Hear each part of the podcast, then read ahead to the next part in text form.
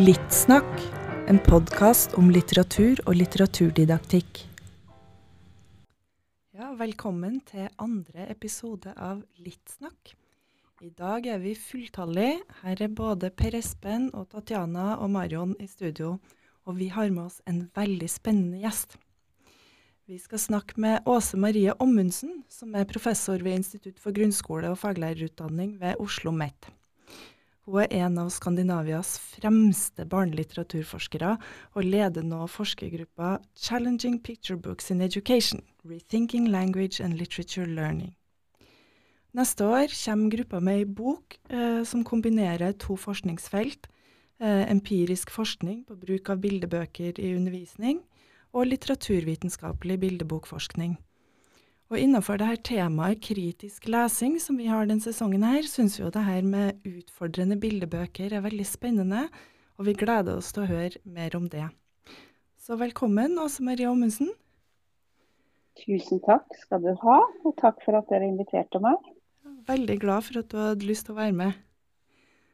Ja, nei, det, jeg syns jo denne podkasten deres høres veldig spennende ut, så det er klart jeg hadde lyst til å være med på det.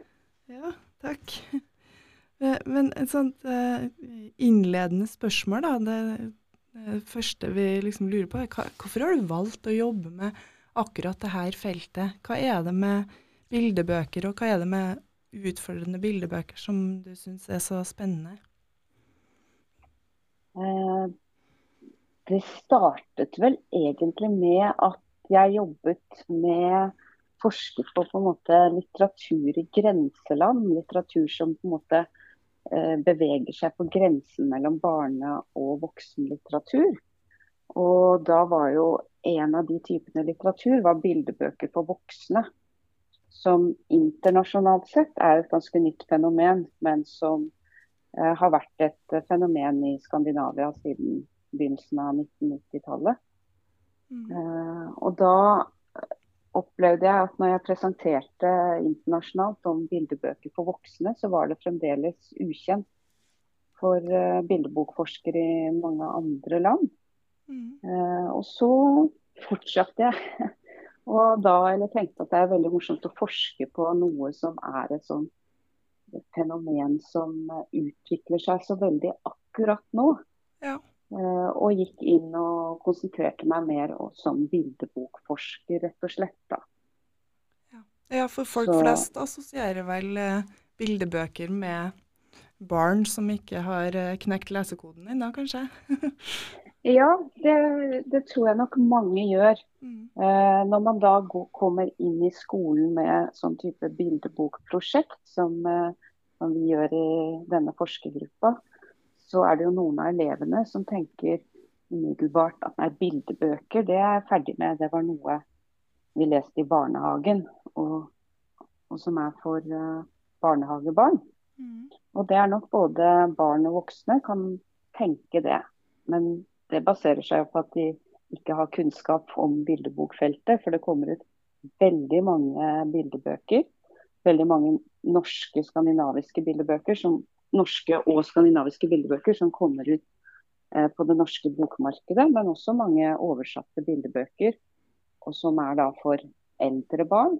Det finnes veldig mange bildebøker som kommer ut for ungdom. Og det finnes jo da også mange bildebøker som kommer ut for voksne. Så det er eh, en misforståelse at det er spesielt for yngre barn. Mm. Og det andre som jo da kanskje folk flest ikke nødvendigvis eh, vet om, er at uh, nordiske bildebøker er kjent for å være spesielt utfordrende. Da. Så det er en forskjell mellom bildebøker som kommer ut i Norden, og særlig da bildebøker som kommer ut på det store engelskspråklige markedet. Og det er det jo mange grunner til at, uh, at det er forskjeller der. Men uh, at vi i Norden er kjent for å ha spesielt gode bildebøker. Altså ja. høy kvalitet, skapt av kunstnere. Ja, nå slengte du jo ut Nei, du slengte ikke ut et begrep, det var litt feil sagt. Men uh, det her begrepet 'utfordrende', ja. det diskuterer dere jo i det her innledningskapitlet som vi har uh, fått lov å snuse litt på. Kan du ja. si litt om hvorfor du velger å bruke det her begrepet utfordrende? Hva vil det si at uh, bildebøkene er utfordrende? Nei, Sånn som vi definerer det i dette prosjektet, så er jo utfordrende bildebøker noe um, En type bøker som gir hjernen noe å jobbe med. Uh, de kan være utfordrende uh, kognitivt, estetisk, tematisk. Men det som vi særlig er opptatt av i dette prosjektet, er da disse kognitivt utfordrende bildebøker bøkene. Eh, og de er da åpne, hvis man bruker Umberto Ecos begrep, åpne tekster. Som da gjør at leseren må lese mellom linjene og fylle ut åpningene i disse tekstene. Eh, og de stimulerer og inviterer leseren til å bruke sin fantasi, sine erfaringer, sine følelser til å gå inn da og aktivt tolke hva som skjer i dette samspillet mellom ord og bilde. Så fordi leseren må være så aktiv i møte med disse tekstene, så ser vi at uh, disse kognitivt utfordrende bildebøkene de skaper engasjement. De stimulerer da leserne til å være aktive og medskapende. Og Eh, kan også da bidra til eh, veldig spennende, utforskende læring i klasserommet. Helt uavhengig av hvilke klassetrinn eh, disse prosjektene foregår på. Har du noen eksempler på sånne typisk utfordrende bildebøker? Sånn til våre lyttere her? ja, Eh, altså det, I denne boka da, som kommer ut nå på nyåret, så har vi jo da forskere fra mange forskjellige land i verden. Og det er bildebøker som representerer eh, alle de ulike verdensdelene. Sånn at dette fenomenet med utfordrende bildebøker det finner man over hele verden da, eh, nå eh, på 2000-tallet. Eh, og det er jo da gjort forsøk både da i morsmålsfag, sånn som jeg jobber med norskfaget, men også da engelsk som eh, fremmedspråk. Eh, og, og, da morsmålsfag i andre, andre land. Eh, det eksempelet som jeg bruker i min artikkel i boka, det er bildeboka 'Gorm er en snill orm' av Camilla Kuhn. Som er eh, en bildebok som eh, har et avansert samspill mellom ord og bilde, det vi kaller et kontrapunktisk forhold mellom ord og bilde, hvor ordene, eller da tekst, verbalteksten, forteller én historie, mens bildene eh, forteller noe annet, eller motsier ordene. Så ordene insisterer hele veien på at hovedpersonen, Gorm, er en veldig snill orm, mens bildene eh, viser andre sider ved hovedpersonen. Så dette er jo en bildebok som er veldig egnet til å oppøve eh, litt yngre elevers eh, kritiske bevissthet. Fordi denne boka handler om en hoggorm som heter Gorm, og som jobber på apotek, og som er veldig snill og hjelper alle kundene som kommer på apoteket og har vondt forskjellige steder. Ehm, men det er samtidig også en slags detektivhistorie. For det på veldig mystisk vis så forsvinner det mange mus gjennomgående gjennom fortellingen. Og de forsvinner sporløst, og ingen vet hvor de har blitt av, og Form skjønner ingenting. Så leseren er nødt til å lese veldig nøye bildene for å avsløre hva som skjer, hvor musene blir av og avsløre at Gorm har flere sider enn de han forteller om da, som en upålitelig forteller i denne boka. Eh, så da jeg eh, eh, prøvde ut, eller en lærer da, prøvde ut denne i sin tredje klasse, så ba hun elevene sine ta på detektivhatten og være detektiver og lete etter spor om hva som egentlig skjedde. Og elevene ble utrolig engasjert. Og de elevene som i utgangspunktet var negative til å lese, eller som hadde et negativt forhold til litteratur i utgangspunktet, de ble kjempeengasjert. Fordi gjennom denne eh, prosessen som da de skulle lese bildene, mens læreren leste boka høyt på klassen i det vi kaller shared picture book reading, så kunne jo alle delta på lik linje. Uh, uavhengig av hvor gode de selv var til å lese uh, ord. Og Det viste at de som strevde med å lese ord, de var jo spesielt gode til å lese bilder. Mm. Så de ble mye mer aktive enn de pleide å være i klasserommet. Og bidro uh, med veldig mange gode tolkninger. Uh, og fikk på en måte endret uh, klassens syn på seg og sitt eget syn på seg som leser. Så, så læreren fra dette prosjektet hun konkluderer med at bildebokprosjektet det bygde da visuell tekstkompetanse, eller visuell literacy, hos Eh, alle elevene. Det styrket engasjementet deres for bøker og lesing. De ble mer motivert for lesing.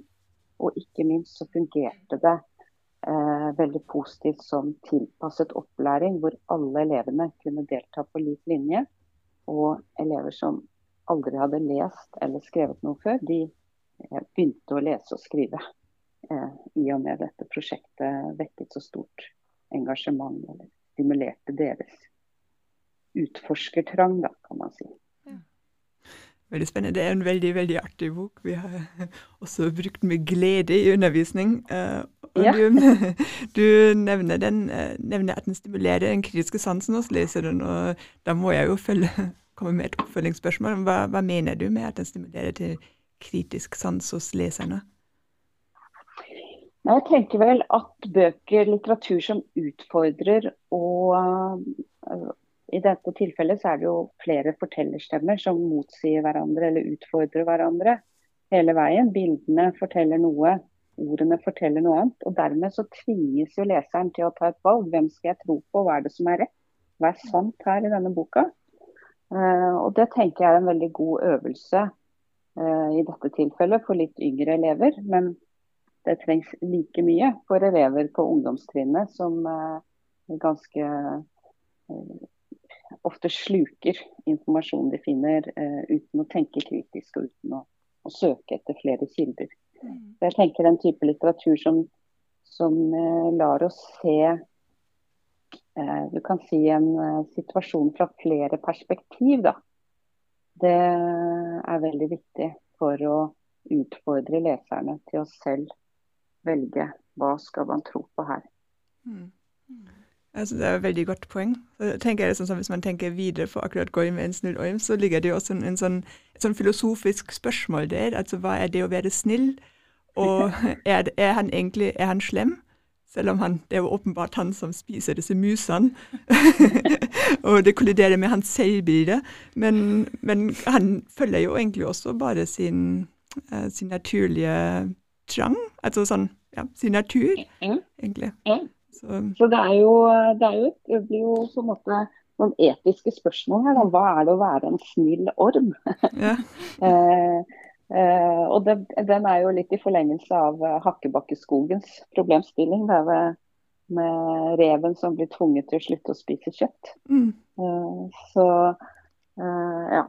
Det som eh, disse barna, de, noen av dem ble jo veldig engasjerte i denne problemstillingen også, med, med, Gorm, og at han da faktisk jo er en drapsmann da, i denne detektivhistorien.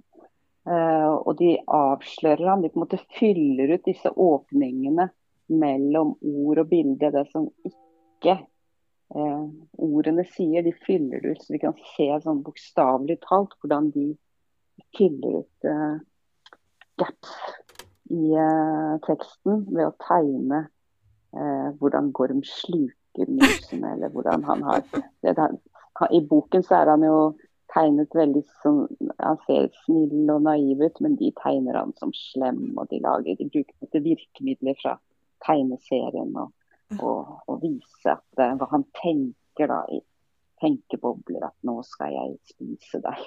og de avslører han uh, som, som, en morder, egentlig. da. Så det er veldig morsomt å se tolkningene. Hvis man skal se tolkningen til såpass unge barn, så er jo å la dem tegne en veldig fin måte. Å la dem vise sine tolkninger. Mm. Spennende. Ja, og du har jo brukt ei norsk bok her i et norsk klasserom, men i boka deres er dere jo bidragsytere fra mange forskjellige land. Um, mm. Så vi er jo litt nysgjerrige på om det er noen eh, tydelige forskjeller, eller likheter for den del, mellom bildebokstradisjonen i forskjellige land og i, i holdningen til hva slags uh, stoff som er kontroversielt? Mm. Uh, det er det jo helt klart. Um, og det som er tabu i ett land, det er jo ikke tabu i et annet land lenger. Uh, sånn at Altså når jeg, jeg, nevnte på begynnelsen at nordiske bildebøker skiller seg særlig fra bildebøker fra det store engelskspråklige markedet, så har jo det med mange forskjellige faktorer å gjøre, men også med den norske innkjøpsordningen.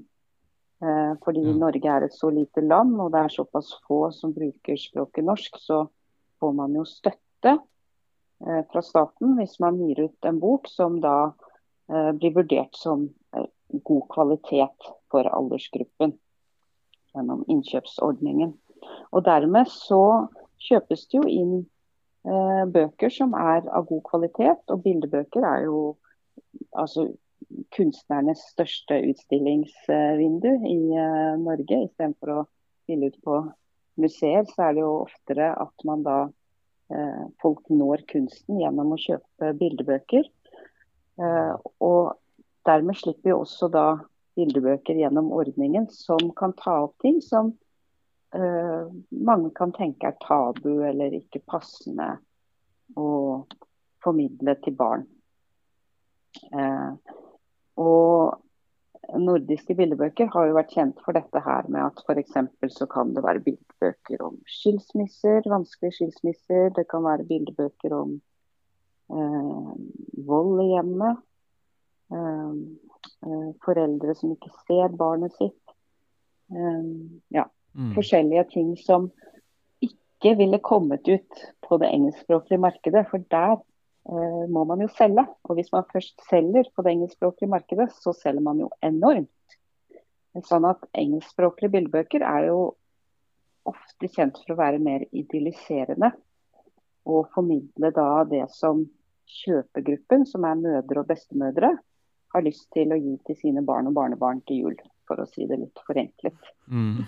Um, så, og så har du jo ting som tidligere var tabu også i norsk barnelitteratur. Det er jo ikke lenger tabu her, men kan fremdeles være tabu i andre land. Sånn som forfatter og illustratør Stian Hole. Han fortalte at når hans eh, Garmans bøker skulle bli oversatt til det amerikanske markedet, så var han nødt til å sensurere to av bildene i den tredje Garman-boka. Eh, og Det er det bildet hvor Garman står og tisser i skogen. Det var for sterkt for det amerikanske markedet. Eller det var helt uaktuelt. Eh, og det hvor eh, Garman og Johanne svømmer eh, i et vann. Der fikk da Johanne på seg badedrakt, fordi at de i originalversjonen så bader jo barna nakne. da. Så dette med nakenhet, det kan være tabu mange steder. Mens jeg tror folk flest i Norge ikke reagerer på det, eller tenker over det engang. At, uh, at det skulle være skadelig for barna å se disse barna som da bader nakne eller ja, er ute og leker, sånn som mange norske barn gjør da. Så det er klart det er veldig mye kulturelt som ligger i hva som er tabu forskjellige steder. Og en ting som ikke lenger er tabu i de skandinaviske landene, er jo dette med at, er, eh, at barn kan ha to mødre eller to fedre.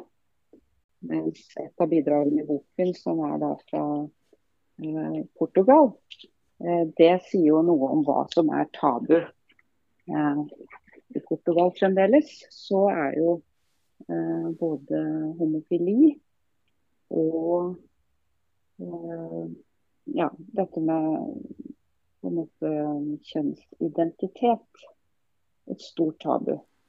Mm -hmm. eh, og derfor noe som eh, mange vil reagere på. Eh, og kanskje ønske at ikke barna skal lese om. da. Et interessant perspektiv det her at uh, bøk òg er delt av et marked. Det er jo slik som en ofte ikke tenker over. At uh, de er kunstverk, ja, og de, de går i dialog med kulturen sin, men de skal jo også selge, som du sier. Det er jo noe ja. som, som en kanskje ikke er så oppmerksom på ofte i litteraturundervisningen. Ja, og jeg tror jo Norge er i en helt spesiell særstilling der. Det er jo ingen andre land i verden som har en tilsvarende innkjøpsordning som uh, Norge. Uh, og det er nok uh, hovedårsaken til at norske barnebøker er kjent internasjonalt som veldig nyskapende, originale og uredde for å ta opp tabuer og bryte tabuer og gjøre tabuer til å ikke være tabuer lenger, tenker jeg da. Og at det også har gjort at uh, dyktige kunstnere har sluppet inn, eller at de bruker tid på barnelitteratur og bildebøker. Og både barn, ungdom og voksne. Og det var vel også Norge som var første land som etablerte bildebøker for voksne som en egen kategori. Det gjorde Kulturrådet i 2015, så det er ikke så lenge siden. Mens fremdeles i mange andre land så regnes ikke det som en egen kategori. Og bildebøker for voksne kan da komme ut som om det skulle vært bildebøker for barn, og skape en del forvirring da, på, både på marked og bokhandler og biblioteker hvor man skal plassere disse bøkene. Du har et spørsmål sånn i tilknytning til det du snakker om her. for Det ene er jo liksom at, um, at bøker kan være kontroversielle i ulike kulturelle uh, kontekster. Men hva med disse utfordrende, disse kognitivt utfordrende bøkene som du snakker om? Er det også en forskjell, en kulturell forskjell mellom skandinaviske land og Portugal, Tyskland, Australia? ja, Altså det finnes, Du kan finne utfordrende bildebøker i, eh, i alle stort sett, eller ikke i alle land, det blir, men over, i alle verdensdeler. Eh, og Det har vi eksempler på da i eh, denne boka som kommer ut neste år. At det kommer ut utfordrende bildebøker i alle verdensdeler. Selv om det er vel mer vanlig i eh, noen eh, kulturer og områder enn i andre områder. Eh, men når det gjelder denne her, for det handler jo også litt om en tiltro til hva barn kan takle av? Når ordene og bildene forteller forskjellige ting, sånn at leseren tvinges til selv å um, søke etter hva er sannheten her. da. Uh, det, det, handler om en tiltro til at barn kan takle det. At barn kan takle avanserte og komplekse strukturer i litteratur. Um, og det virker jo som at står sterkere eh, noen steder enn andre steder. Eh, en av kollegene mine på Oslo Met, Kaja Bjølgerud, hun har undersøkt sakprosabildebøker og funnet ut at uh, i norske prisnominerte sakprosabildebøker, så er det mer troverdig fagkunnskap enn i oversatte bestselgere fra det store internasjonale markedet. Så det handler jo litt om hva man tenker at barn fortjener, men også hva barn kan takle. Men også amerikansk forskning viser jo at, og det, handlet, det var forskning på amerikanske barnehagebarn, at de barna foretrakk de mer avanserte bildebøkene enn de som var altfor enkle. Um, og Det samme finner jo da i, uh, i, denne boka vår, så har kollega Janice Bland fra Nord universitet uh, undersøkt uh, Hun har brukt to forskjellige bildebøker i et norsk klasserom, men i engelskundervisningen. Eh, og Der har hun valgt da én bildebok som er utfordrende, og en som er veldig enkel og eh, det vi kan, eller det hun på engelsk kaller kanskje didactic, altså at den, den, forteller hva leseren skal tenke eller lære ut fra dette her. Og gir ikke mye rom for at, at leseren skal tenke selv, da. Eh, mens den utfordrende, den bildeboka hun valgte, den tvinger leseren til å lese mellom linjene og gjette, spå, eh, fylle ut disse åpningene, tenke kritisk eh, og stimulere mer til dybdelæring. Og da viser jo Janice eh, forsøk at elevene får jo mye mer ut av denne utfordrende bildeboka. At den gir bedre muligheter for læring. Det her eh, er jo interessant med tanke på hvem som var gjesten vår i, i forrige podkast. Um, nemlig Martin Blokk Johansen fra Danmark, som har eksperimentert med Kafka på sjette trinn og har funnet ut at uh, elever ofte setter pris på å bli presentert for utfordrende tekster. Da, altså tekster der du må engasjere seg og bidra aktivt i, i fortolkingen. Og så ja. uh, høres det jo litt ut uh, Det høres jo òg ut som, ut fra det du forteller, at her ligger det ganske mye ansvar på læreren òg, når det gjelder både å velge bøk, men òg utforme undervisningsopplegg uh, som faktisk inviterer elever til å bidra. Mm. Ja, det er, eh, det er, jo helt eh, Det er veldig, veldig viktig. Og det, kanskje, det var sånn dette prosjektet startet. da. Fordi at eh, alle har jo lenge vært enige om at det er kjempeviktig at elever leser. At elever som leser, de, eh, de scorer jo bedre på alle fag i skolen, til og med kroppsøving. Eh, så det med at lesing er viktig, det har jo vært synliggjort nå i flere av læreplanene. Men det har stått lite eller ingenting om hva barna skal lese. Så er det sånn at bok er bok, eller teller litterær kvalitet? Er det likegyldig hva, hva vi leser? Eh, og dette forskningsprosjektet vårt og denne boka vi kommer med nå, nå neste år, det er vel egentlig et, et forsøk på å synliggjøre en type litteratur som vi mener gir veldig store muligheter i klasserommet. Både i grunnskolen, og ungdom, eh, barne- og ungdomsskolen og videregående skole. Og for så vidt også med, i forhold til voksne. Det kan være voksne som er nyankommet til et nytt land. Så har bildebøker et veldig stort potensial for eh, læring. Eh, og da å bytte ut lærebokstyrt undervisning, eller også bytte ut den type litteratur som særlig eh, begynneropplæringslesere blir utsatt for i skolen. Da tenker jeg på sånne type lesehefter som kan være av veldig dårlig kvalitet, og ofte verken inneholde humor, spenning eller noe annet som skulle vekke interessen til dette barnet. Eh, så tanken vår har jo vært at eh, det er ikke likegyldig hva man leser. Eh, jeg som voksen jeg gidder jo ikke å lese noe som jeg syns er kjedelig eller uinteressant eller dårlig skrevet. Jeg vil jo lese noe som engasjerer meg, som treffer følelsene mine, eller lærer meg noe jeg er interessert i å lære om, eller et eller annet. Sånn at valg av materiale i eh, lesemateriale i skolen er veldig viktig. Og Det er det jo også forskning fra andre land som eh, bekrefter. Bl.a. at det at elevene har en følelse av å velge selv er veldig viktig.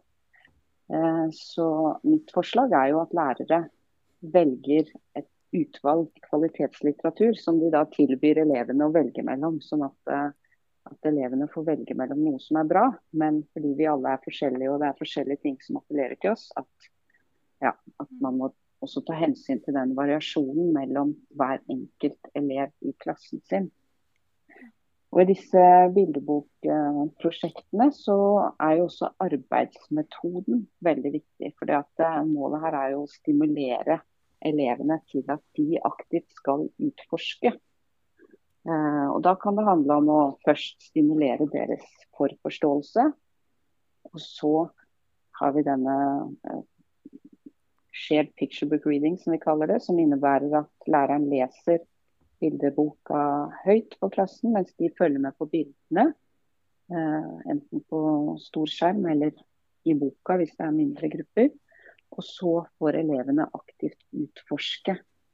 Um, og at det blir mer basert på elevenes nysgjerrighet, hva de er interessert i å utforske. Og stimulere dem til aktivitet. Og så ender alltid øktene i en litterær samtale.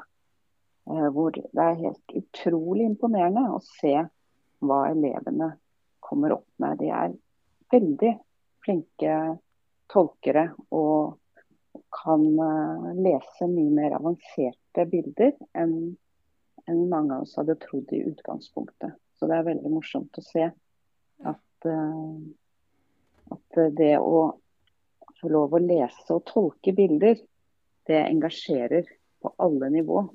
Både på de yngste elevene, men også på ungdomsskoleelever som i utgangspunktet kan være negativt innstilt og tenke at uh, dette er ikke noe for dem.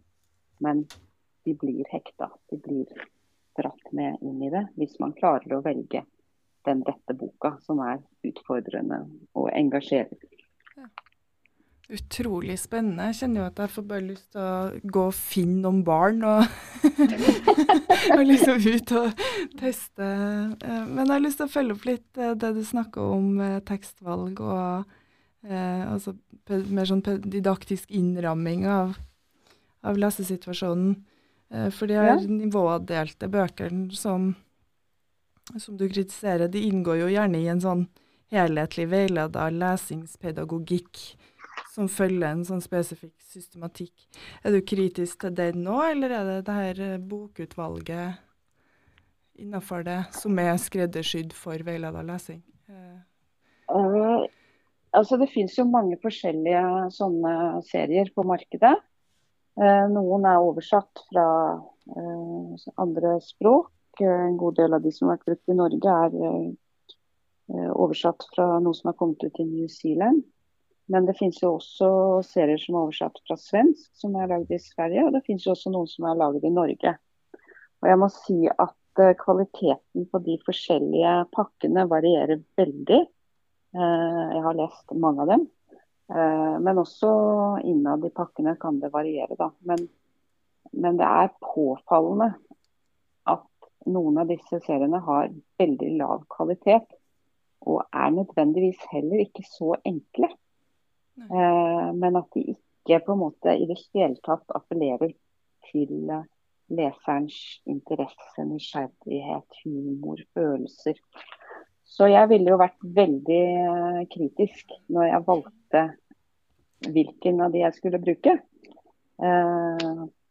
Og hvor mye jeg skulle bruke det. For det som jeg tror ut fra det jeg har sett det, prosjekt som er gjort i, i forskjellige klasserom, så tror jeg at det med motivasjonen for lesing er utrolig viktig mm. for at elevene skal ha lyst til å lese videre. Og motivasjon det handler jo om både det at du mestrer det, men det handler jo også om at det gir deg noe. At det gir deg noe å tenke på, at det gir deg lyst til å bla videre. At du ikke bare er tvunget til å lese i ti minutter. Eh, og den eh, motivasjonen eh, har, vel, har jo også nyere leseforskning pekt på at det er avgjørende for å bli en god leser. Og da tenker jeg at For å stimulere den motivasjonen hos elevene, enten de da går på i første klasse eller i tiende klasse, den handler om å finne den boka som passer til akkurat deg.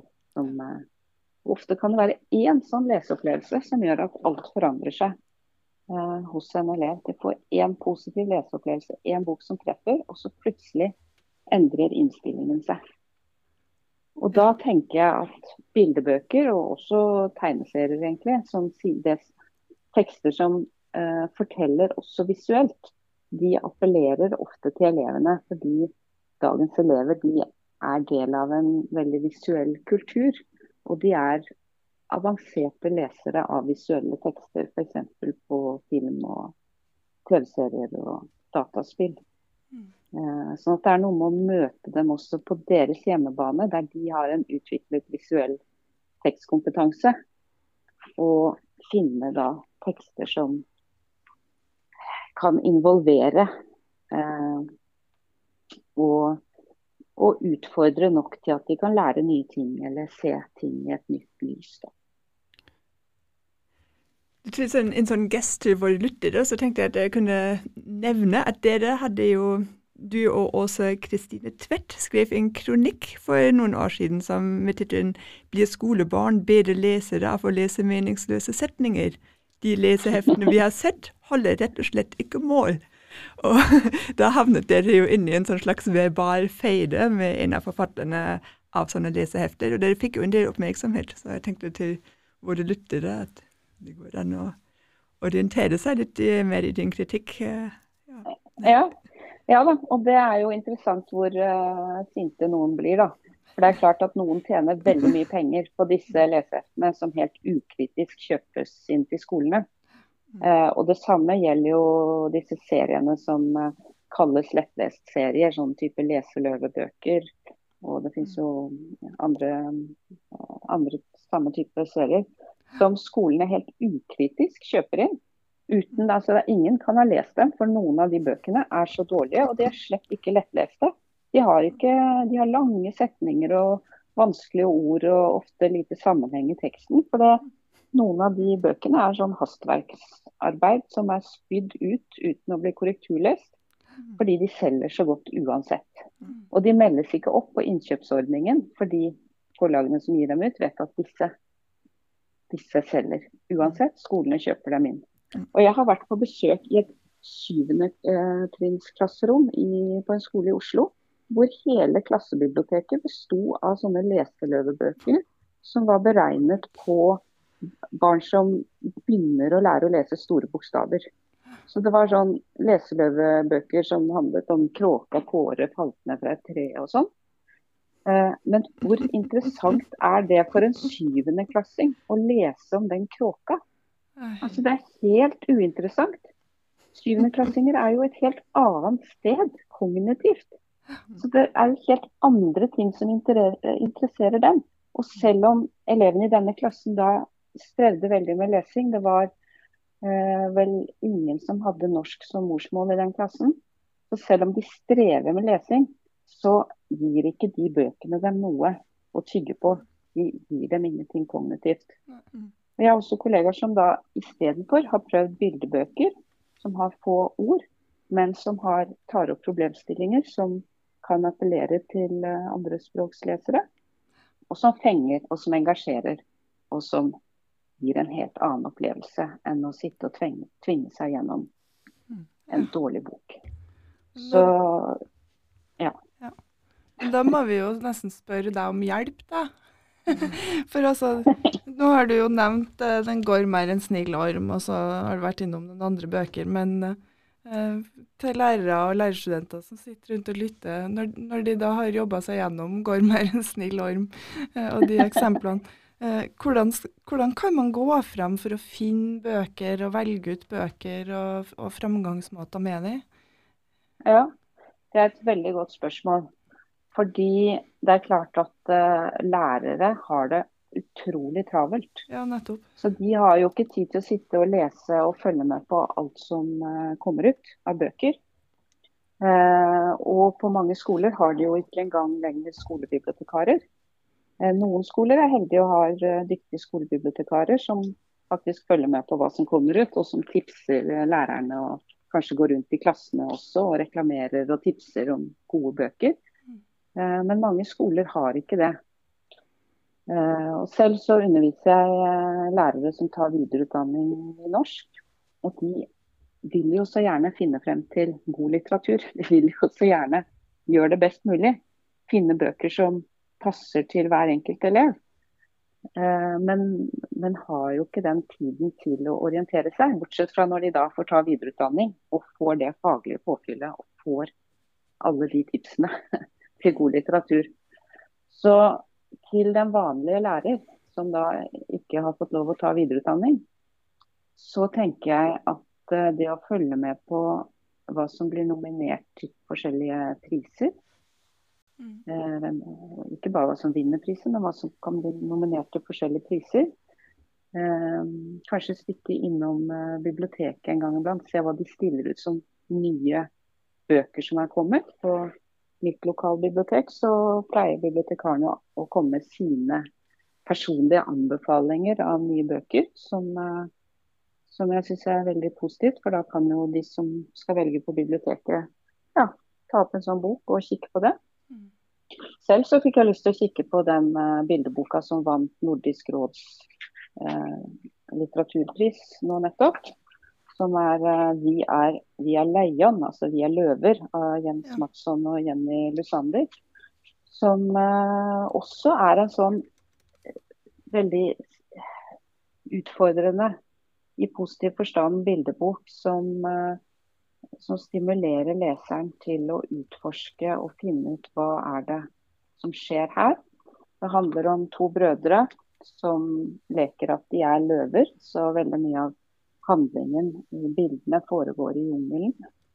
Eh, men den ene løven blir syk og havner på sykehus. Og det står ikke eksplisitt hva som feiler han, men det står f.eks.: Min bror har nesten ingen pels lenger. Altså han mister håret. Og ja, det er, det er en fin uh, bildebok som fra barneperspektiv viser da dette med å bli syk og være pårørende til en som er syk. da. Mm -hmm. Så den boka fikk jeg vite om bare fordi den vant Nordisk råds litteraturpris. Eh, og så fikk jeg lyst til å se på den og, og bestilte den, da. Så det tenker jeg kanskje er et tips. Og i tillegg så tenker jeg jo at kollegaer må jo eh, prøve å tipse hverandre om gode bøker som man både kan lese høyt i klasserommet, og gode bøker som man kan ha i klassebiblioteket som elevene kan velge mellom. Mm. Fordi det er ikke alle elevene som får veiledning og hjelp hjemme til å velge eller finne den boka som passer for seg. Så. Så hviler det jo et tungt ansvar på læreren for å prøve å være den veilederen og formidleren inn i god litteratur. Hvis det er lov å hive seg inn i en sånn avsluttende samtale om valg av litteratur, hvordan man kan velge litteratur og finne fram, så er det jo som du sier, så er det helt sånn uoverkommelig å orientere seg i et sånt marked.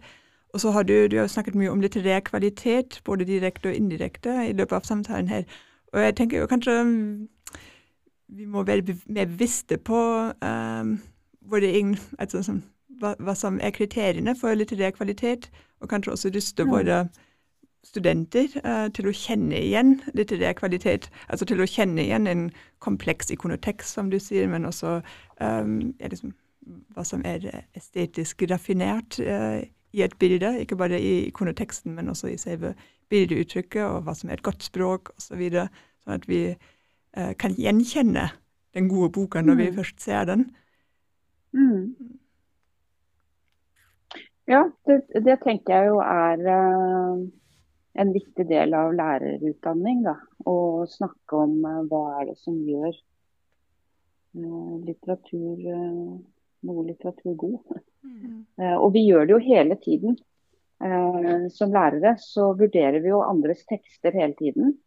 Og noen av oss setter jo karakterer på andres tekster og sier at dette er en kjempegod tekst, men denne kunne godt vært litt bedre. Eh, så vi gjør det jo ubevisst hele tiden i jobben vår, vurderer vi tekster. Men jeg tenker at eh, det er fint hvis vi klarer å, å finne, som du sier, noen kriterier og vurdere da mer bevisst hva er litterær kvalitet. Og da tenker jeg både i forhold til skjønnlitteratur og fagprosa, fagbøker. Eh, hva er det som, som, gjør at denne boka tenker vi kan appellere til akkurat den eleven. Og det kan jo handle om forskjellige ting. Det, er jo, det kan jo selvfølgelig også handle jo mye om interesse. da. Hvis man er veldig interessert i et eller annet fagområde, så er man jo gjerne villig til å lese en fagbok om det emnet. Uavhengig av om den er godt skrevet eller ikke. Eh, men det beste er jo hvis det er en eh, bok som også eh, er godt skrevet. Da. Mm. Og da syns jeg jo F.eks. hvis du tar sånn serielitteratur, så mange elever leser f.eks. hestebøker, så finnes det jo veldig mange serier på markedet. Noen er oversatt fra andre språk og veldig dårlige oversettelser og veldig dårlig språk, rett og slett. Og andre uh, er mye bedre. Uh, sånn at hvis man har en sånn veldig hesteinteressert elev i klassen sin, så kan man jo prøve kanskje å sette seg litt inn i Se om man finner en bok som, som er god, da. Mm. Uh, hjelpe, liksom. Se, har du kanskje denne kunne passe for deg? Det fins jo alltid noe godt på markedet, men, uh, men man kan ikke alltid stole på uh, hva forlagene selv sier om bøkene sine. Det er jo interessant for meg som har sittet i denne innkjøpsordningen i noen år og lest alt som har kommet ut for barn og ungdom i Norge, og ser eh, det er ganske stor forskjell på kvaliteten av det som kommer ut. Men, men nå i julekatalogene sine så er jo ikke forlagene snaue med å rose dårlige bøker opp i sky. Også bøker som da har blitt nullet av innkjøpsordningen fordi de hadde for dårlig for lav kvalitet. Da. Så Nei, det, jeg tenker det er, en, eh, det er krevende for uh, lærere å klare å få fulgt med og lest så mye, så de må nesten uh, spørre. spørre bibliotekarer.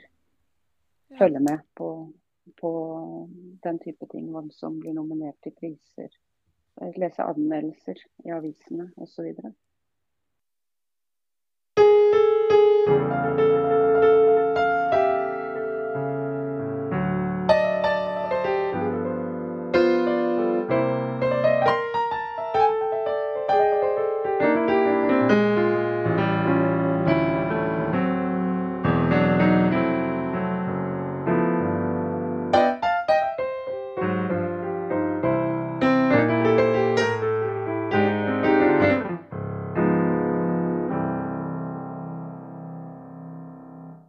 Da er vi framme ved den kritiske bokhylla, der oss ber gjestene våre om å ta med to leseanbefalinger til lytterne våre.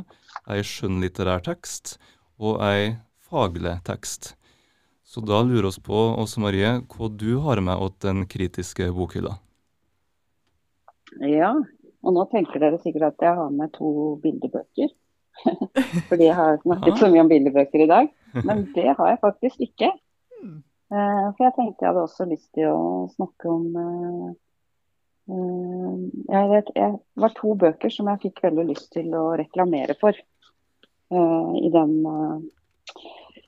kritiske bokhylla deres. Og Det ene er en ganske ny ungdomsroman. Altså en skjønnlitterær roman som kom i fjor, i 2019. Og som jeg tenker kan være en veldig nyttig inngang inn i det å forstå andre menneskers livssituasjon andre, eh, og andre menneskers eh, tanker, som kanskje kan noen ganger være fjerne fra våre egne. Eh, og dette er da Arne Svingens bok 'Alt jeg skylder deg er juling'. Ja. Som jeg syns traff, traff meg i magen da jeg leste den. For den handler om en gutt som heter Herman. Han er 17 år, så han kommer ikke inn på utesteder ennå. Og han eh, bruker vold. Og veldig mye av eh, livet hans dreier seg om vold. -hmm. Boka begynner eh, eh, Jeg skal bare lese hvordan den begynner. Skal jeg være helt ærlig, så finnes det ikke noe mer rensende enn å kjenne knyttneven treffe haka til en idiot. Jeg syns det er en ganske sterk åpning av en bok. Mm. Og det er så fjernt fra hva jeg uh, har selv uh, gjort. jeg har aldri slåss.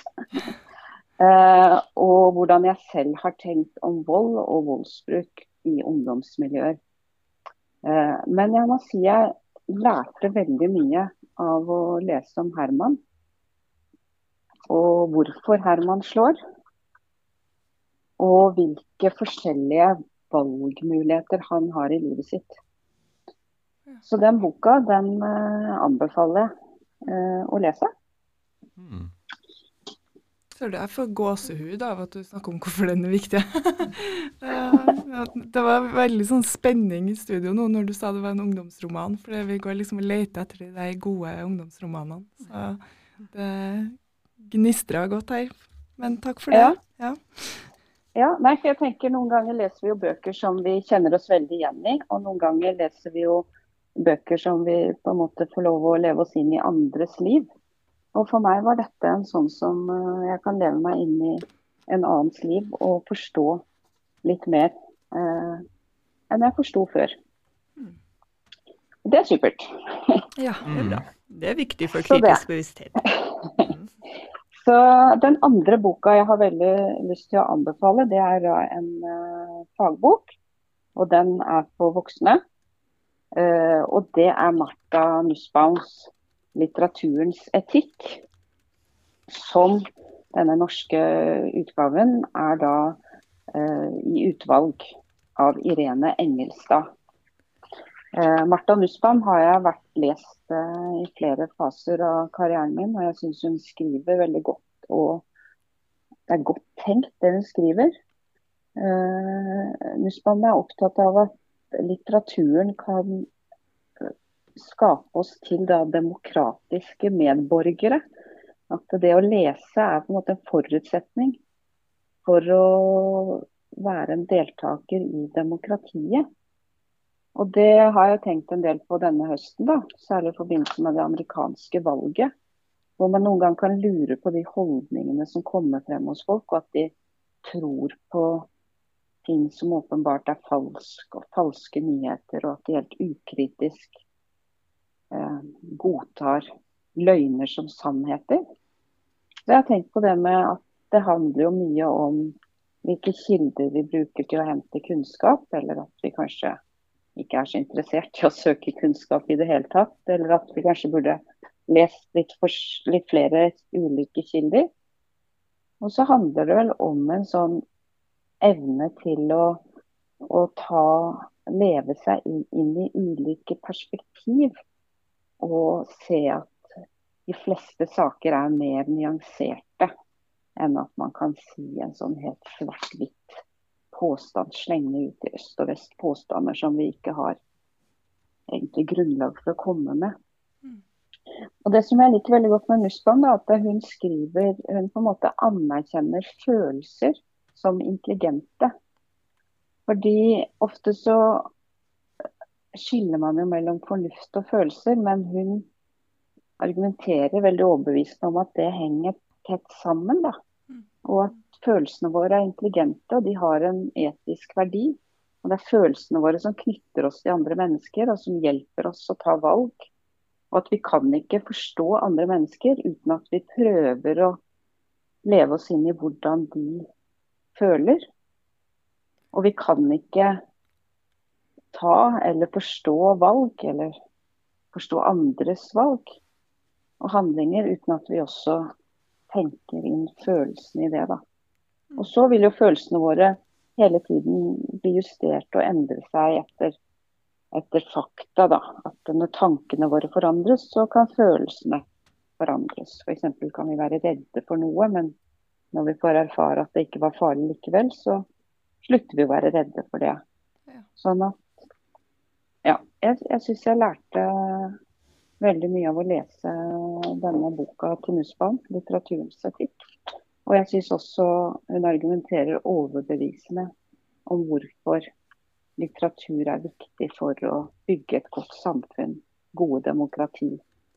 Hjelpe oss å, å ta gode valg. Ja, takk skal du ha. Du gjorde jo en sånn veldig helhetlig valg nå da, med den der 'Alt jeg skylder deg' juling, som nettopp illustrerer hvordan det der virker. ja. Mm. Jeg fikk nevnt noe både for barn, ungdom og voksne. Her, eh, som er eh, Ja. Men jeg, jeg tenker det er uh, Altså det er jo gjort forskning på dette her innen neuroscience-feltet, hvor man da forsker på hjerneaktiviteten. Hva som skjer når du leser skjønnlitteratur. Og da ser man jo at dette senteret for empati i hjernen stimuleres når man leser skjønnlitteratur. Eh, så jeg tenker at både det å lese god skjønnlitteratur og god faglitteratur er veldig viktig for oss som enkeltpersoner og for oss som et demokratisk samfunn. Ja, da tror jeg det får bli eh, dine siste ord i denne episoden. Sånn at det blir stående. At det, det her med valg av tekster det er ikke likegyldig. Men, ta, men takk skal du ha, Åse Maria Amundsen. Eh, Tusen takk for at jeg fikk komme. Tusen takk. Det var veldig kjekt å snakke med deg. Takk skal ja. dere ha. Og takk for at dere har en sånn interessant podkast som vi alle kan eh, lære litt av. you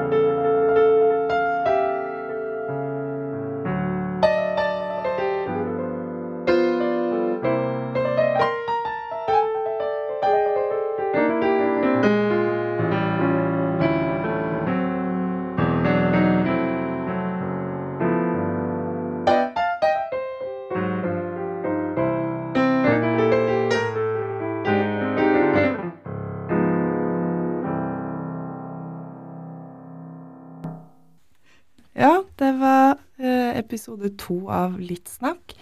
Eh, I januar kommer tredje episode, og da skal vi snakke med Tonje Wold. Så det ser vi fram til. Ja, kjempespennende. Tonje Wold er aktuell med boka 'Å lese verden'. Og hun har ellers forsket på 22. juli i litteraturen, på biblioteket i barnelitteraturen, på flukt i bildebøker har hun skrevet om. Så mye spennende å ta tak i der. Så det gleder vi oss til. Men da må vi bare ønske våre lyttere god jul inntil videre. God jul, og dere som hører på. God jul. Så legger vi eh, bøkene i bokhylla på Facebook, så de finner igjen der. Takk for oss. Takk for oss. Ha det bra.